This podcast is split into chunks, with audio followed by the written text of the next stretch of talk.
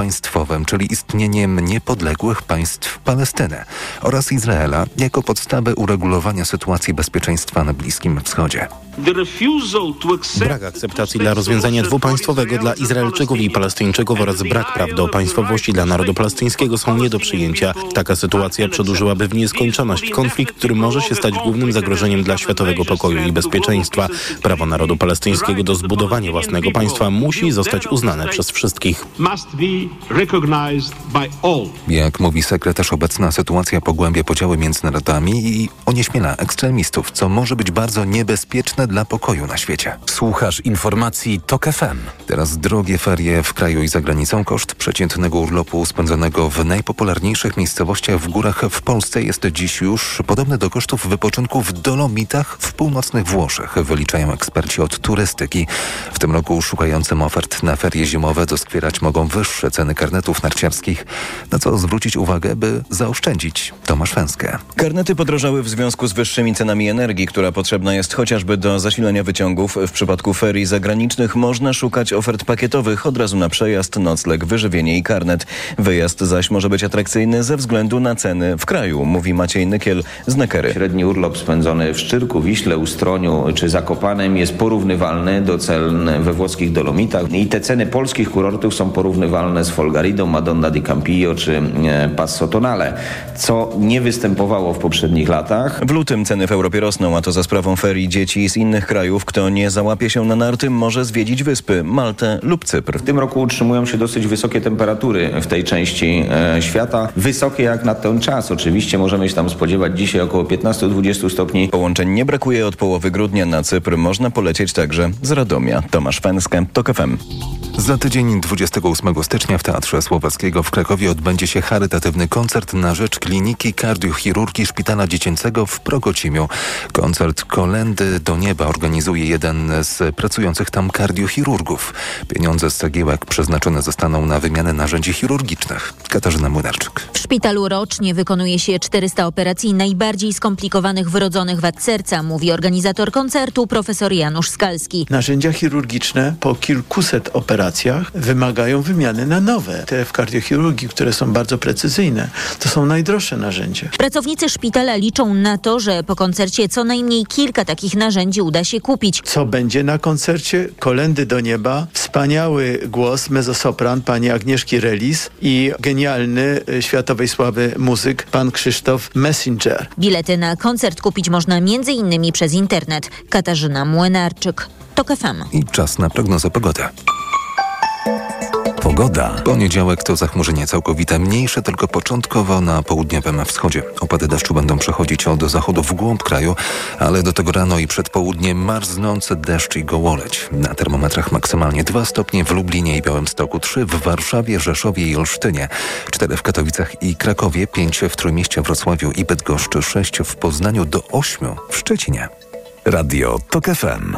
Pierwsze radio informacyjne. Dobra terapia.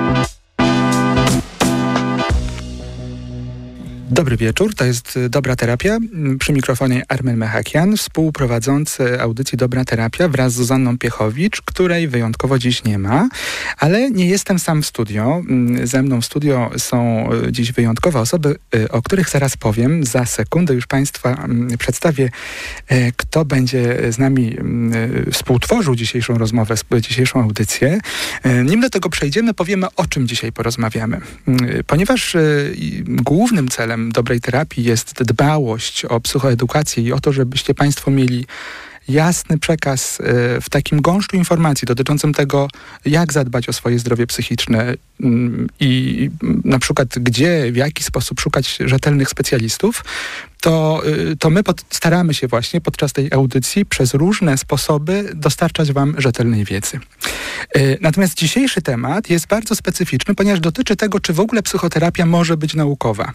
Czy psychoterapia jest zjawiskiem y, takim, które można zbadać, mierzyć, w związku z tym sprawdzać, czy to, co się w wyniku psychoterapii dzieje, jest dobre czy złe.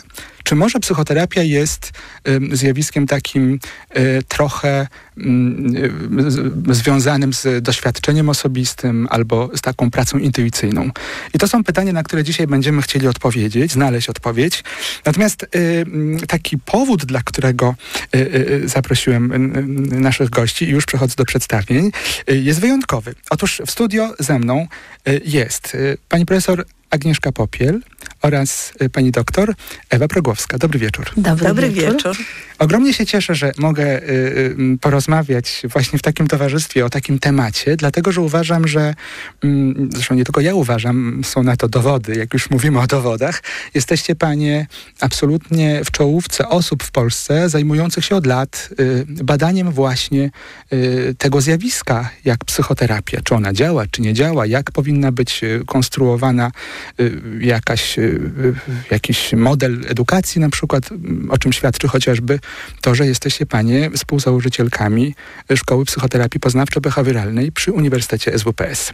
Natomiast taki, y, taki, taki jakby największy powód, najważniejszy, dla którego mm, zależało mi na tym spotkaniu, to jest książka, y, drugie wydanie książki Psychoterapia Poznawczo-Behawioralna, Teoria i Praktyka, za którą y, zostały się panie nagrodzone wyjątkową nagrodą. I drodzy Państwo, powiem w dwóch słowach, co to za nagroda, bo ja sam z ciekawością sprawdzałem, y, co to jest za, za zjawisko. Okazuje się, że Polska Akademia Nauk co cztery lata, dobrze mówię, nagradza y, y, różne osoby, może ja, drodzy Państwo, Wam zacytuję to, co przeczytałem na stronie Polskiej Akademii Nauk, bo bardzo mi się to zdanie podoba. Otóż ta nagroda jest przyznawana za wybitne i twórcze prace w zakresie tym razem psychologii, ponieważ te nagrody są przyznawane za różne dziedziny nauki. Więc, drodzy Państwo, okazuje się, że Polska Akademia Nauk, na szczęście, nie tylko, bo na świecie jest coraz więcej takich organizacji, uznaje psychologię za naukę. Wiem, że to groteskowe, ale to ważne. Oraz y, uznała książkę, którą panie napisały, wydanie drugie, jako taką książkę, która zasługuje na wyjątkowe wyróżnienie. Więc ja zacznę od takiego pytania, do kogo jest to książka? Kto powinien być adresatem tej książki? Bardzo dziękuję za Dziękujemy za zaproszenie, za ten wspaniały wstęp, bo tutaj z zainteresowaniem również słuchałyśmy. Do kogo ta książka? Książka, mm, książka jest podręcznikiem przede wszystkim. Podręcznikiem psychoterapii, czyli mamy nadzieję, że stanowi pewne kompendium wiedzy dla psychoterapeutów, dla oso osób kształcących się w psychoterapii i to chyba byłaby podstawowa część, dlatego ona jest tak skonstruowana, że zawiera i te składowe teoretyczne i również pewne informacje, jak prowadzić terapię ale również jest w niej pewna część, która, jest, która łączy się z problemami kształcenia, um, umiejętności, czyli um, i badań przede wszystkim. W związku z tym byłaby to ta część, która może być e, interesująca dla osób, które chciałyby się dowiedzieć czegoś właśnie na ten temat. Świetnie, bardzo dziękuję. A y, co możemy znaleźć na temat badań w tej książce? Y, na temat badań przede wszystkim możemy znaleźć opis metodologii. Jak zbadać psychoterapię? To jest y, y, pytanie, które nie chcę powiedzieć, że było unikane, ale może nawet nie pytanie, a przekonanie, że tak jak pan był uprzejmy powiedzieć na początku, to jest coś zjawiskowego, metafizycznego.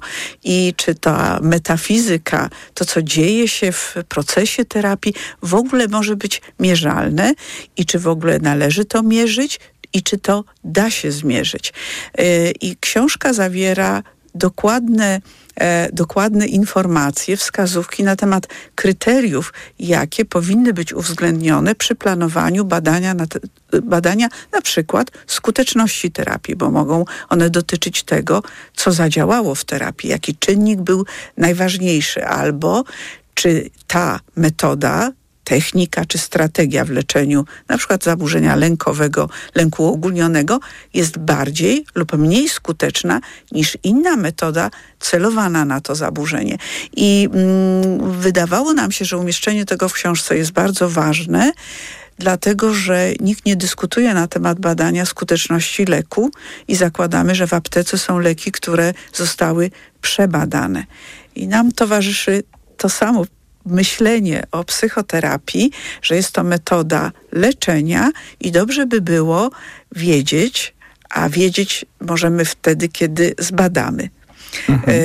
Co jest bardziej, a co jest mniej. I to jest też pole wtedy do dyskusji i doskonalenia badań. Dlatego wydawało nam się, że w podręczniku o psychoterapii e, dobrze jest zawrzeć te informacje, nie tylko o tym, jakie metody są skuteczne, ale dlatego, że być może zachęci to osoby, zajmujące się psychoterapią do pomyślenia o takich badaniach, mhm. żeby to było stymulujące do rozwoju badań nad psychoterapią. Szalenie ważny wątek, dlatego że tak się składa, że w studio mamy panią doktor nauk medycznych, lekarkę, psychiatrkę, psychoterapeutkę, superwizorkę, panią doktor y, nauk y, y humanistycznych, psycholożkę y, kliniczną, y, kliniczną tak. dokładnie, oraz superwizorkę również, prawda?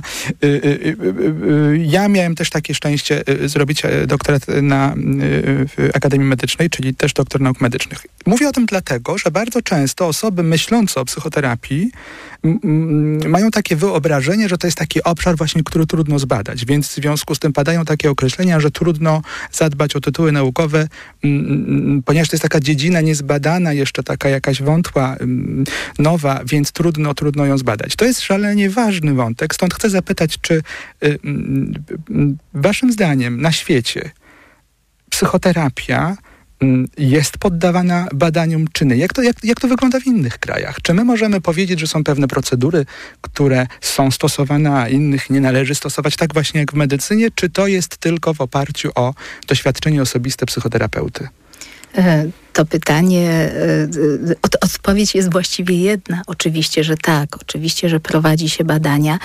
E, I w sensie tego, od czego pan zaczął, nowości dziedziny, no to możemy powiedzieć, nie wiemy na ile taka 50-letnia historia badań, takich już porządnych, to jest dużo czy mało, wystarczająco czy nie, ale to nie jest tak znowu bardzo znacząco więcej niż na przykład badania nad farmakoterapią, bo mhm. jeśli pomyślimy o pierwszych badaniach według metodologii umożliwiającej no, zapewnienie ślepej próby, wyciąganie wniosków tak, jak dzisiaj je rozumiemy. To są takie informacje, takie sposoby, przez które dba się o to, żeby badanie nie było wadliwe, czyli żeby można było rzetelnie przeprowadzić ten proces badawczy. Tak, właśnie to pierwsze badania nad chlorpromazyną, czyli takim pierwszym lekiem stosowanym w leczeniu zaburzeń psychicznych, psychos, to jest rok 1952. Więc jeśli pomyśl, czyli wcale nie tak dawno temu, a wydaje nam się to oczywiste, że badania nad farmakoterapią to są badania niezwykle e, no, bardzo, bardzo zasłużone, a psychoterapia to miałaby być czymś zupełnie nowym w tym kontekście. Nie jest. To są mniej więcej lata 70., e, 80. Oczywiście ta metodologia się doskonali, więc można zarówno w tych ówczesnych badaniach medycznych było trochę prościej, e, tak też w obecnych badaniach nad psychoterapią jest ten poziom komplikacji jest nieco większy niż był te 50 lat temu, ale my mniej więcej o tym czasie mówimy. 40-50 lat to są te badania, których na świecie zgromadziło się w tej chwili bardzo, bardzo, bardzo dużo. Bardzo się cieszę, że tak jest. To jest bardzo pocieszające, dlatego że mówimy jednak o czymś, co nie jest tylko jakąś historią polską, tylko mówimy o tym, co na świecie od lat jest stosowane, tak jak y, procedury medyczne, wszelkie inne. Ale czy coś się zmieniło w terapii poznawczo-behawioralnej od lat? W związku z tym, że była, je, była pierwsza książka, teraz jest drugie wydanie, ale czy w ogóle y, czasami jest tak, że y, ludzie myślą o tej o, o, o terapii poznawczo-behawioralnej behawioralnej tak bardzo prosto, że to jest taki behawioryzm. Behawioryzm taki, że, że, że no, bardzo przepraszam za to określenie, ale taki pies Pawłowa jest takim wyobrażeniem yy, yy, na temat terapii poznawczo-behawioralnej. Czy pani doktor mogłaby coś tak, o tym powiedzieć? bardzo się zmieniło. Y, y, kiedyś, kiedy usłyszałam, że mm, terapia behawioralna, która, y, która jest ważnym elementem terapii poznawczo-behawioralnej, tak jak ten element poznawczy, to jest taka tresura pacjenta. No i mm, pozwoliłam sobie powiedzieć, że tresura odbywa się wbrew woli zwierzęcia tresowanego, że psy Pawłowa nie miały wiele do powiedzenia i nie to było istotą, znaczy istotą warunkowania, ale mm, w, te, w metodzie behawioralnej element wolicjonalny pacjenta jest bardzo istotny. I rzeczywiście, no... Czyli taki, że pacjent wyraża zgodę. Że wyraża i, zgodę tak. i e, tresura, czy takie traktowanie behawioryzmu e, w sposób mechaniczny, no byłoby, zacznę, powiem krótko, nieetyczne. Czyli Więc, ja pozwolę proszę, tylko uzupełnić tak. sobie, pozwolę, że rozumiem, że w tym obszarze właśnie behawioralnym bardzo istotne jest to, że pewne procedury właśnie związane z metodą pracy polegają na tym, że że się stosuje tak jak, drodzy Państwo, na przykład aparaty e, e, ortopedy, ortodentyczne albo jakieś różnego rodzaju inne medyczne urządzenia, które mają coś e, ukierunkować, zmienić. I rozumiem, często jest to traktowane jako zarzut, w związku z jako tym odpowiedzią zarzut. na ten zarzut jest to, że to nie, tego się nie robi bez zgody pacjenta tak. lub bez... A drugie, że warto przypomnieć, że ten behawioryzm, i odpowiem za chwilkę na Pana pytanie, no on od, trzeba trzeba dobrze znać procesy uczenia się, bo dotyczy to zachowania, yy, a nie tylko odruchów, ale zachowania i tak jak jest założenie, że one zostały jakoś nauczone, czy osoba się nauczyła, czy została wymodelowana, żeby tak właśnie zachowywać się, to również możemy te procesy wykorzystać, żeby nauczyć się bardziej dla niej przede wszystkim e, funkcjonalnych zachowań, zachowań, które by prowadziły do celu, jaki ona sobie wyznacza. I rozwój terapii poznawczo-behawioralnej jest przeogromny i dużo by można o nim mówić, ale dodam, że ta część poznawcza, e, bo one się rozwijały trochę osobno, te dwie części, okazało się, że jak czasem mówimy, jest to takie małżeństwo z rozsądku, a potem chyba okazało się, że i uczucie się pojawiło, dlatego że rzeczywiście bez elementu psychoedukacji terapia behawioralna no, e, byłaby bardzo trudna do mm, zmotywowania osoby, żeby zaangażowała się w ten proces, mhm. mimo że ona cierpi trochę tak jakbyśmy powiedzieli o świetnym podręczniku do nauki języka, który jest świetnie zrobiony, jest dobrze zbudowany, no ale trzeba by jeszcze wymyśleć jakiś sposób na to, żeby ktoś zechciał w tym procesie uczestniczyć, więc rozumiem to, to tak. właśnie tak komplementarnie spowodowało, że jesteśmy w stanie, y, ma, jakby są pewne narzędzia, dzięki którym możemy przeprowadzić proces, na przykład zmianę zaplanować, ale też jest sposób na to, jak to zrobić. Natomiast mm, pozwolę sobie być trochę nieuprzejmym. I, i powiem, powiem tak, że że często o terapeutach poznawczo-behawioralnych, czy w ogóle o nurcie, mówi się tak, że to są osoby, które są zrozumiałe, ponieważ uważają, że one mają najwięcej badań yy, i myślą sobie, że tylko nasz nurt i że my nie uczymy się niczego, nie potrzebujemy niczego, ponieważ jesteśmy najlepsi, wiemy najlepiej. Co można na ten temat powiedzieć? E, no cóż, e, bardzo przykro, jeśli takie poglądy się mm, pojawiają, choć oczywiście, powiem tak, trochę jest coś na rzeczy w tym, że tych badań jest bardzo dużo, więc hmm. trudno mm, posypywać głowę popiołem e, z powodu tego, że ma się dużo badań. To jest i, i mówić o tym, że w takim razie cały ten obszar niewiadomej jest równie ważny jak ten obszar, w którym coś wiemy. Czyli to myślę, że jest pierwsza, pierwsza ważna kwestia, którą należy podkreślić i ona jest bardzo często w różnych dyskusjach akcentowana niezwykle demagogicznie, więc e, mhm. demagogicznie w taki sposób, że przecież brak badań nie mówi o nieskuteczności, nie wskazuje na nieskuteczność. E, chciałabym powiedzieć, że oczywiście, że nie. E, I że też ja teraz sama temu uległam, bo powiedziałam, brak badań. A my często y, y, odnosimy się do tego, że relatywnie tych badań jest istotnie mniej na przykład na tyle, żeby wyciągnąć wiążące wnioski dla systemu opieki zdrowotnej na przykład, dlatego że y, jest bardzo wiele sytuacji, w których są pojedyncze badania. Są badania, które, których metodologia mogłaby być lepsza, mówiąc delikatnie, w związku z tym e, te systemy bezpieczników, e, które, które, dzięki którym opracowuje się na przykład zalecenia do stosowania pewnych metod, to jest to, że te systemy bez, bezpieczników obejmują kolejne stopnie. Na przykład, że tych badań powinno być sporo, że nie powinny być robione w tym samym ośrodku, dlatego że każdy lubi swoją terapię, ten kroczek w stronę zarozumiałości wobec tego, e, wobec tego dobrze, żeby były zreplikowane, żeby ich było ileś. Mhm. Na tej podstawie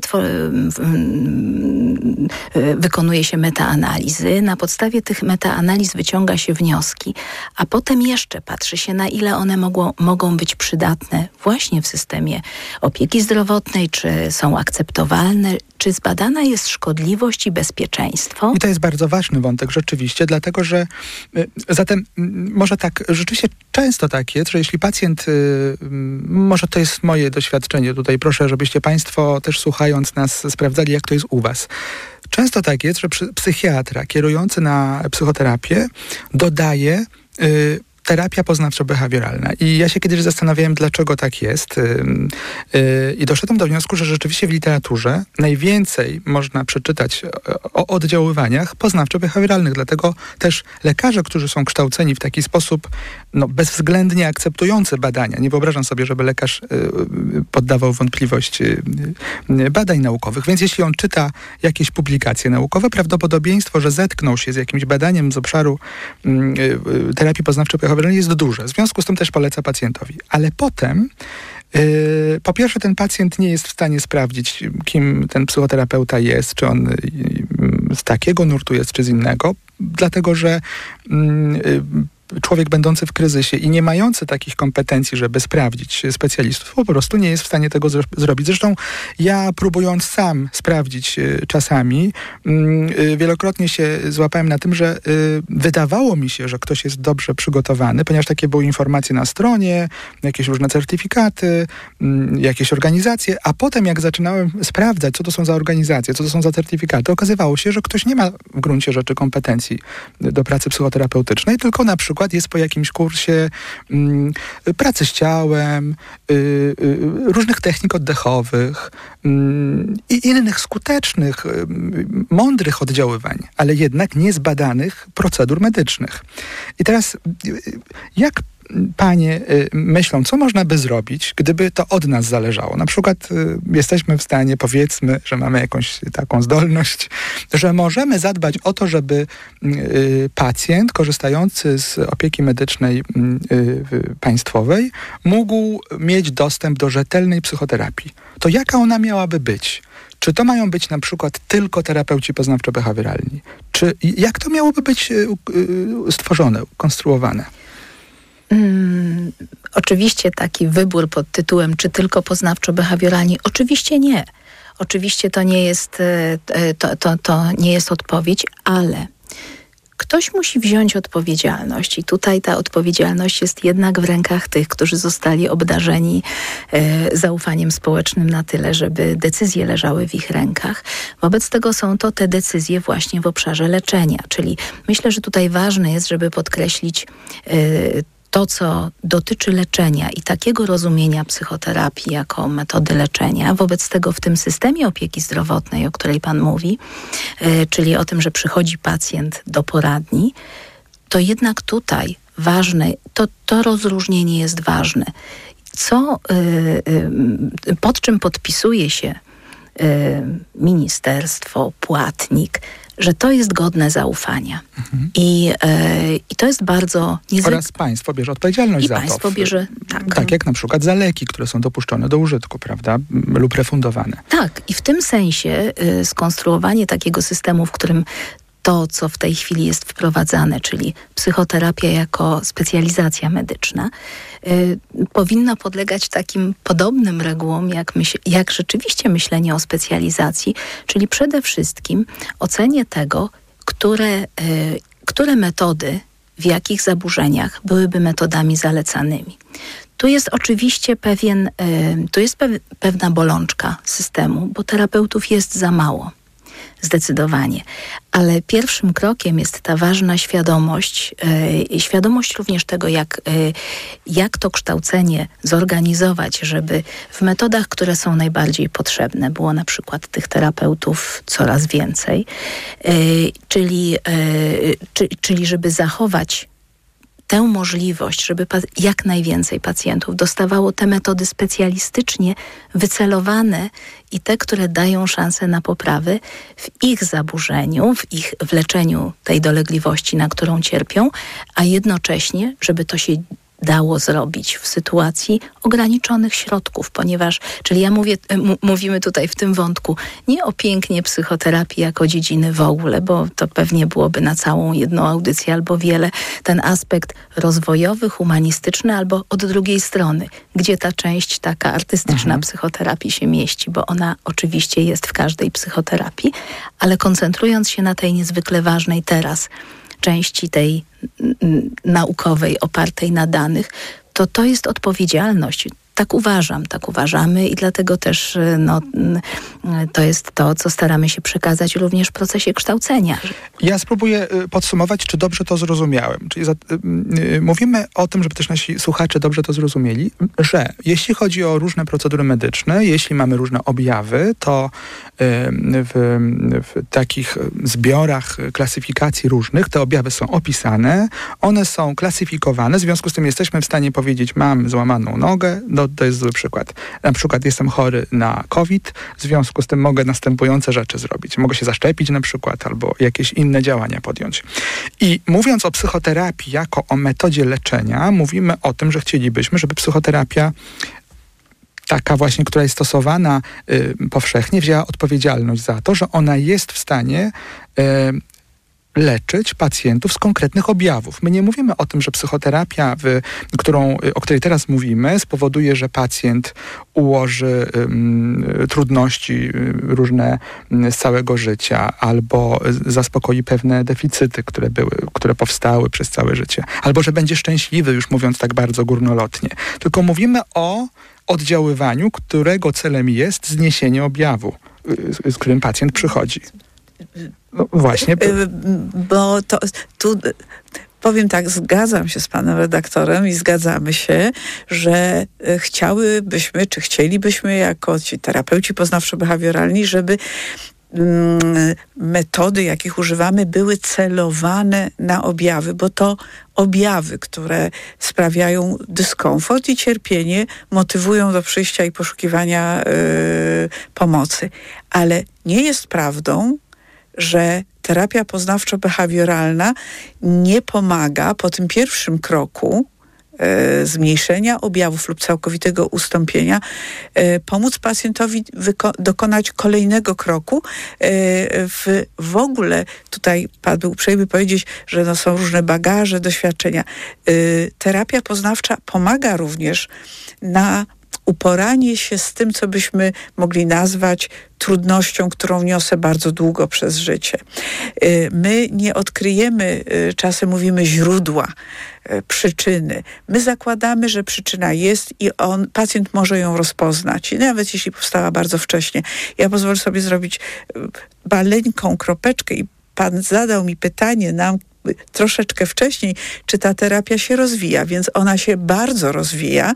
Są, powstają różne e, skupione na odrębnych problemach nurty terapii poznawczo-behawioralnej. To jest drzewo, które ma wiele gałęzi, czasem listków. I o niektórych listkach nie wiemy, czy one nie opadną, czy to nie jest pewien, pewna moda my mamy to zweryfikować. Jeśli weryfikujemy, jest to pozostaje w modelu. I na przykład myślę tu o terapii schematów Jeffreya Younga, która to terapia może, a, a należy do terapii poznawczo-behawioralnej również e, wrócić do bardzo wczesnych doświadczeń, czy tam, gdzie są problemy mhm. osobowości, zaburzenia osobowości z pogranicza. Czyli popracować na y, tych aspektach nieco głębszych. Tych, y które leżą, są procesami. By, by, chciałabym y, właśnie słowo głębia i płytko. Zawsze pytamy terapeutę, kiedy pozna, że już jest wystarczająco głęboko? A kiedy jeszcze za płytko? Kiedyś usłyszeliśmy, jak pacjent płacze, to głęboko. To jest oczywiście, że Państwo się uśmiechnęli. My powiemy, że chciałybyśmy i tak rozumiemy terapię nie tylko my poznawczą, że są to metody psychologiczne, no, nazywają się poznawczo-behawioralne. Mają szereg em, ewoluuje ten model, zachowując e, jednak strukturę i główne założenia, które zostały stworzone przez Arona Becka, ale również inne osoby, jego uczniów i nie tylko, ale sięgają do tego pnia. Jest wiele e, gałęzi. Ja pozwolę sobie tylko dodać, żeby, bo też padło, że jesteśmy tacy, może mamy poczucie lepszości, nie mamy, ale może to będzie ilustracja, nie wszyscy wiedzą, to jest informacja od córki Arona Becka, e, że był trzykrotnie zgłaszany do Nagrody Nobla na pytanie, dlaczego on był psychiatrą, dlatego, że on pomógł, ten jego model, koncepcja ja się nie boję użyć tego słowa, milionom ludzi na świecie. Więc wracamy do pytania o skuteczność metody. Którą akurat można zbadać, bo to jest coś, co można policzyć. I za, jakby za tym optujemy.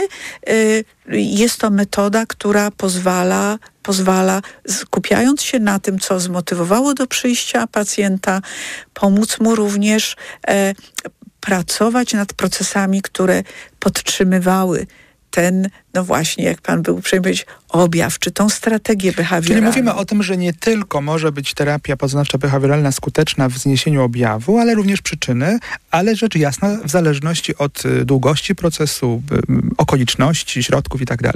A czy można by wymieniać, wymienić te wszystkie inne y, y, części terapii poznawczo-behawioralnej? Myślę o tak zwanej trzeciej fali, żeby słuchający nas pacjenci mogli rozpoznać, jakie jeszcze inne nazwy Y, oprócz terapii schematów na przykład, zaliczają się do tej całości terapii poznawczo-behawioralnej?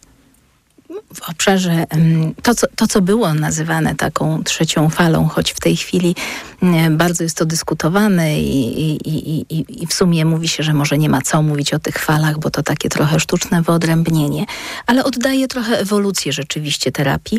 I warto tutaj zaznaczyć jeszcze jedną rzecz, że taki ogólny pogląd na terapię poznawczo-behawioralną mówi raczej o założeniach teoretycznych, wspólnych. A kiedy myślimy o zbadaniu skuteczności, to my zazwyczaj badamy pewną metodę, która czerpie z tych założeń teoretycznych. I dlatego y, mamy metody, które czerpią z y, takiego czystego behawioryzmu i to byłaby na przykład aktywizacja behawioralna. Co to znaczy? Gdyby można było opisać tak, żeby słuchacze to mm, sobie wyobrazili, jak to mogłoby to jest metoda, która ma bardzo mocne udokumentowanie, jest, bardzo, jest to bardzo nośna metoda, a jednocześnie zdziwiliby się Państwo, niezwykle prosta. E, co czasami e, niektórych demotywuje, dlatego że e, odziera z tego nibu tajemniczości, potrzeby takiej, takiego niezrozumienia. Aktywizacja behawioralna łączy się z niezwykle ważną rzeczą, która podtrzymuje depresję u osób cierpiących na depresję. Mają one tendencję do tego, żeby zapadać się w braku aktywności, ponieważ aktywność jest niezwykle trudna. Zapadając się w braku aktywności, jednocześnie sprawiamy, że nie mamy szans na zaznanie czegoś, co może nas wyciągnąć z tej depresji, a zatem na zaznanie tego, co jest przyjemne, co mogłoby być przyjemne ewentualnie, i na zaznanie tego, że sobie z czymś poradziliśmy. To są dwa bardzo mocne mechanizmy w depresji. I aktywizacja behawioralna zakłada, że my w planowany sposób, trochę tak jak z każdym innym nawykiem, kiedy wdrażając nowy sposób odżywiania się czy czegokolwiek, ćwiczenia, nie wszystkim jest łatwo ćwiczyć. Prawda? A jednak, a jednak najpierw idziemy, możemy powiedzieć, przez rozum. Nie chce nam się, ale idziemy. Wykonujemy coś, co powoli staje się, zauważamy, że staje się coraz bardziej automatyczne, staje się coraz, e, coraz częstsze, a jednocześnie zauważamy również, że możemy dzięki temu dostrzec te aspekty przyjemności, które wcześniej były niedostrzegalne ze względu na depresję, te aspekty mojego poradzenia sobie z jakąś czynnością. Czyli aktywizacja behawioralna to jest opis, jest to cała sekwencja kroków, która pomaga pacjentowi, któremu samemu byłoby bardzo trudno, ale, e, ale e, poprzez stopniowe, stopniowy wzrost aktywności pokonać depresję. Ta część, e, czyli to jedna z metod. Takich Szalenie klasyka. ważna rzecz. Wiecie Państwo, ci, którzy nas słuchają regularnie, to wiedzą, że niezwykle często y, mówię o tym, że depresja y, ma w sobie coś, co moglibyśmy nazwać, że jedna część jest w śmierci, druga w życiu i, i ta aktywizacja y, behawioralna właśnie w sposób y, przemyślany, sensowny, akceptujący mm, aktualne możliwości pacjenta, krok po kroku, trochę tak jak przy rehabilitacji po ciężkim wypadku aktywizuje do tego, żeby pacjent zauważył, że chce żyć, żeby zaczął czerpać przyjemność z tych wszystkich drobnych rzeczy, które już mu wychodzą. I, i takie myślenie o, y, y, o właśnie działaniach czy, czy, czy, czy technikach, jeśli chodzi o pracę poznawczo-behawioralną, rozumiem, można zbadać. Czyli Oczywiście. można powiedzieć y, na przykład, ile potrzebujemy spotkań, czy, czy jaka jest, jak się poprawia nastrój, nastrój, jak się poprawiają różne zachowania, zmieniają. Więc to są to rzeczy po prostu bardzo łatwo sprawdzalne. Łatwo może w, w sensie takim, że, że, że jeśli, jeśli ktoś umie to zbadać, no to można to zbadać.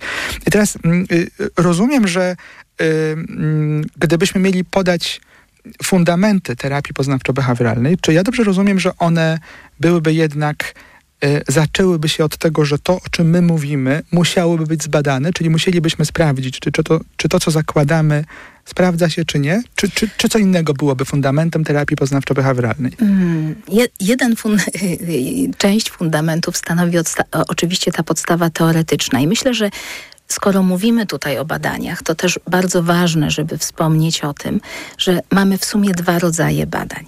Jeżeli podstawą teoretyczną, głównym, główną, główną podstawą tą właśnie rozwoju terapii poznawczo-behawioralnej są e, idee zaczerpnięte z behawioryzmu, z psychologii poznawczej, ale również z psychologii różnic indywidualnych, choć ona dosko doskoczyła w pewnym momencie, czyli solidna baza z naciskiem na pewne dziedziny psychologii tradycyjne, które e, które stanowią podstawę teoretyczną i to są troszeczkę inne badania.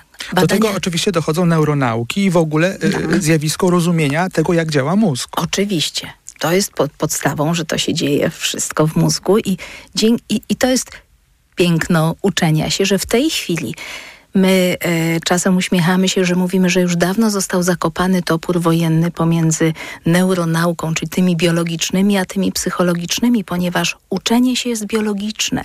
My jesteśmy w stanie wytropić to, co się... To są procesy Zatem, bardzo biologiczne. Zgodziłybyście panie e, z takim stwierdzeniem, że psychoterapia jest uczeniem się, że to Oczywiście. jest proces nauki? Jest Oczywiście. to proces nauki, taki mm, proces y, bardzo in, inteligentny, bo służący tak naprawdę zmniejszeniu cierpienia. W związku z tym, kiedy przychodzi do nas pacjent, to w kontekście tego, o czym tu yy, yy, mówi profesor Popiel, my na, za, na, na objawy patrzymy jako na najlepszy sposób, z jakim dana osoba, pacjent poradziła sobie z trudnościami, które ma w życiu. I nie zaczynamy terapii od patologizacji i mówienia, no proszę pani, no pani już nie wychodzi z domu po tym wypadku tyle miesięcy i lat. No przecież pani sama wie, że musi lęk narastać. Pacjent tego nie wie, ale nauczył się, że kiedy unika czuje się bezpieczniej, ale jego życie zaczyna być, przypominać życie no, takie niezwykle ograniczone i za tym idzie i depresja, i spadek aktywności. Stąd pacjent nauczył się i tu dotknął pan sedna. I my patrzymy na to i możemy nawet powiedzieć, jak wspaniale pani poradziła sobie z tą traumą. Ale teraz ten sposób nie działa. W rzeczy samej, yy, dlatego że dlatego pacjent... nauczmy się nowego. Y, jakby pani chciała, żeby wyglądało pani życie. I niektórzy mówią tak jak kiedyś, ale niektórzy powiedzą, ja już nie chcę, żeby wyglądało jak kiedyś. I terapeuta, to jest po jego stronie, ma zapytać, to jak? To, to bardzo ważny jest wątek. ekspertem od siebie w tej terapii i nie terapeuta. To pacjent Przynajmniej nie tylko terapeuta, prawda? Terapeuta jest y,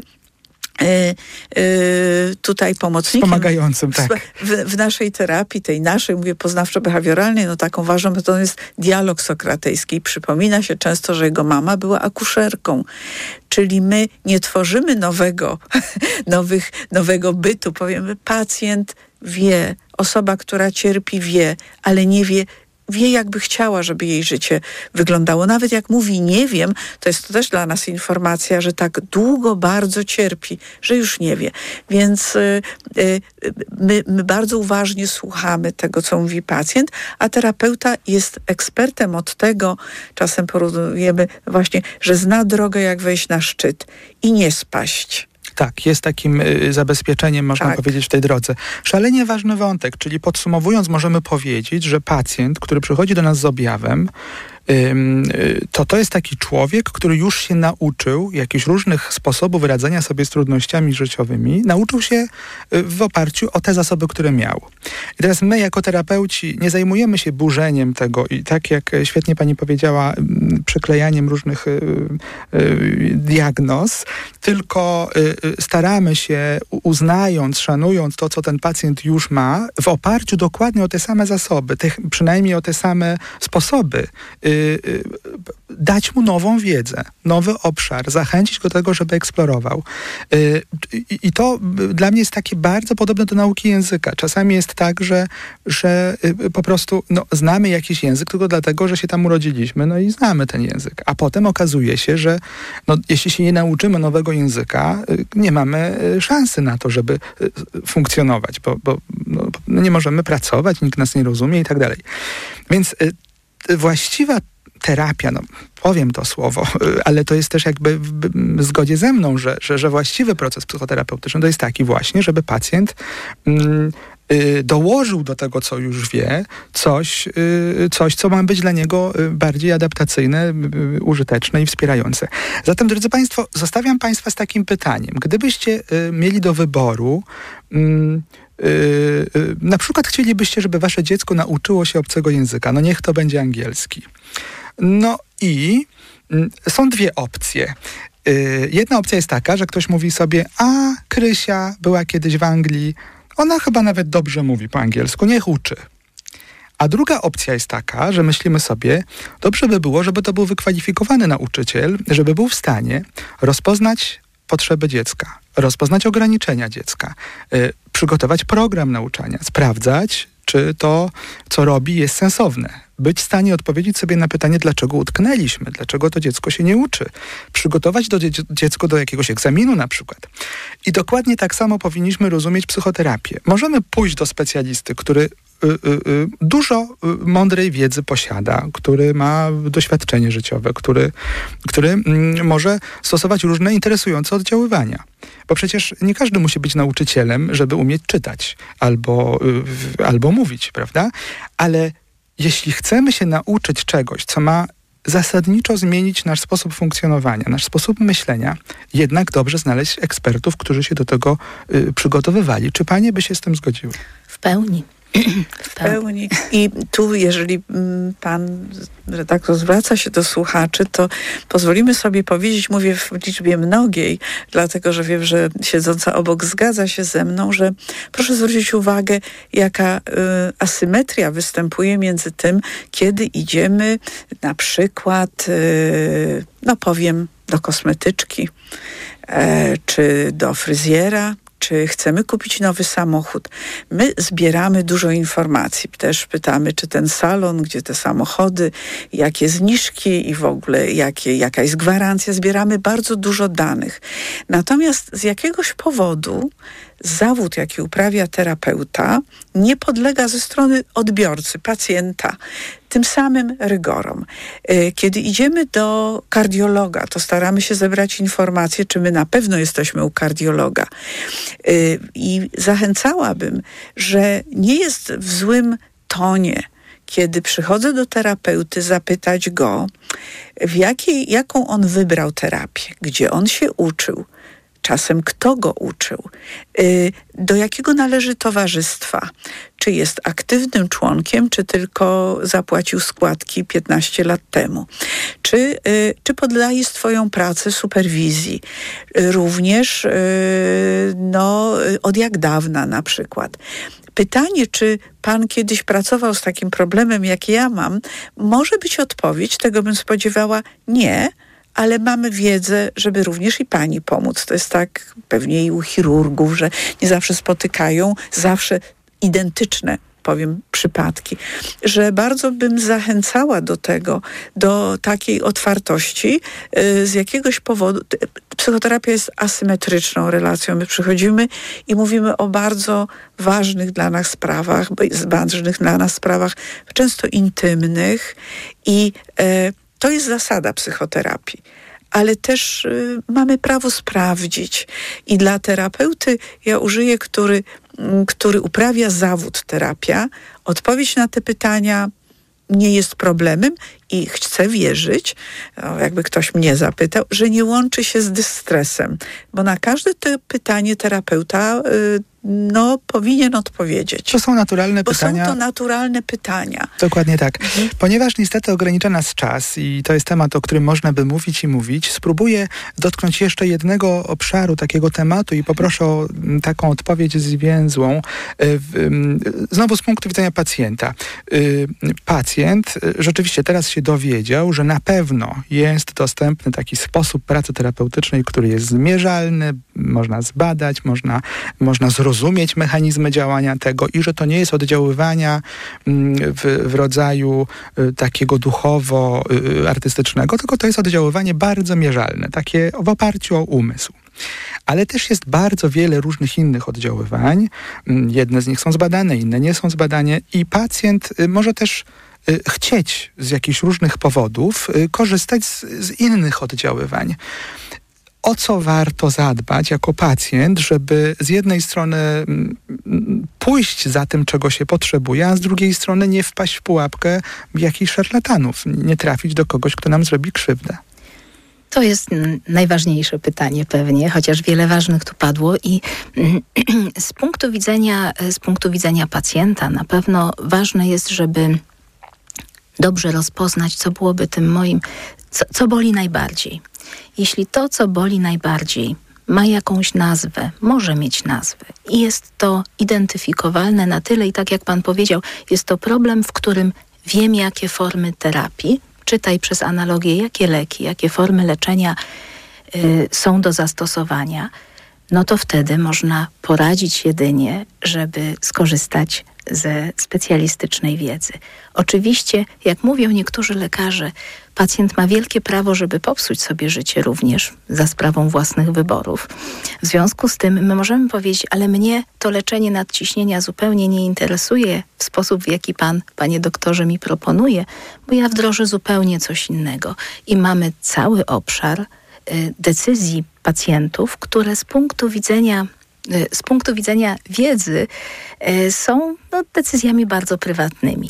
Czyli z jednej strony można powiedzieć, bardzo chciałoby się, żeby ludzie uwzględnili, żeby w stanie y, świata, jakim jesteśmy teraz, wykazali trochę być może zaufania do tej nauki, jeżeli byłoby to możliwe, bo jest to część paradygmatu, w którym funkcjonujemy, na tym opieramy pewne nasze informacje dotyczące właśnie leków, właśnie naszej fizjologii. Jeśli trochę wierzymy w medycynę, to w psychoterapii też przydałoby się to również. Ale jest piękne, jest w sumie ładna definicja evidence-based practice, że, że bardzo ważny jest tam wybór pacjenta.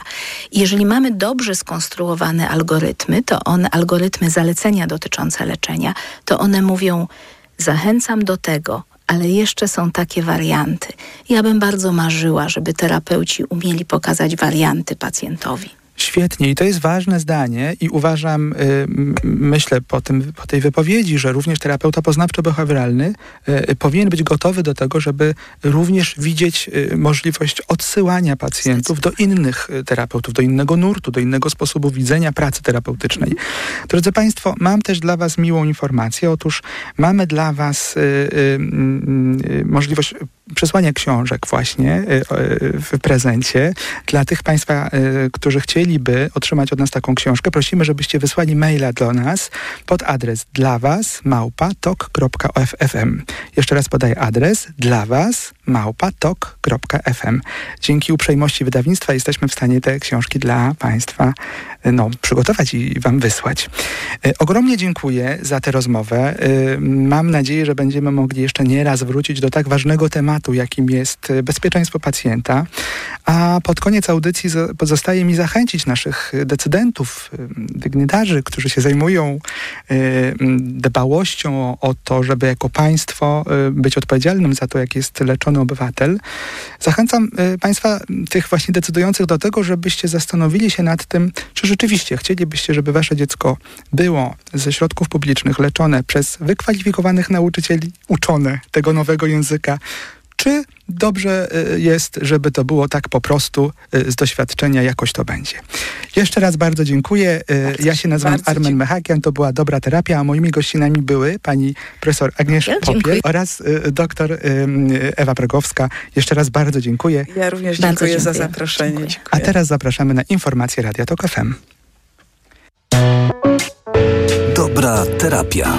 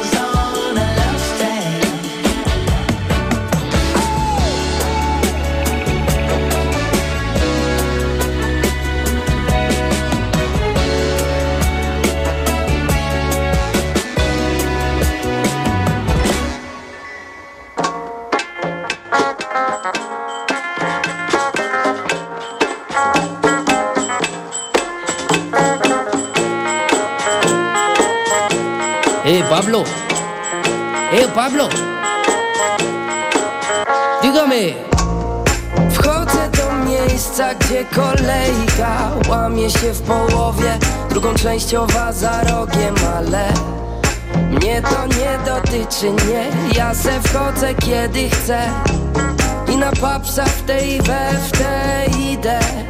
Nikt mnie nie szturcha i jest miejsca w brud. Nie to nie cud, że mam drina w parę sekund. Chyba barowy kojarzy mą twarz Widział w teledyskach, a teraz bliska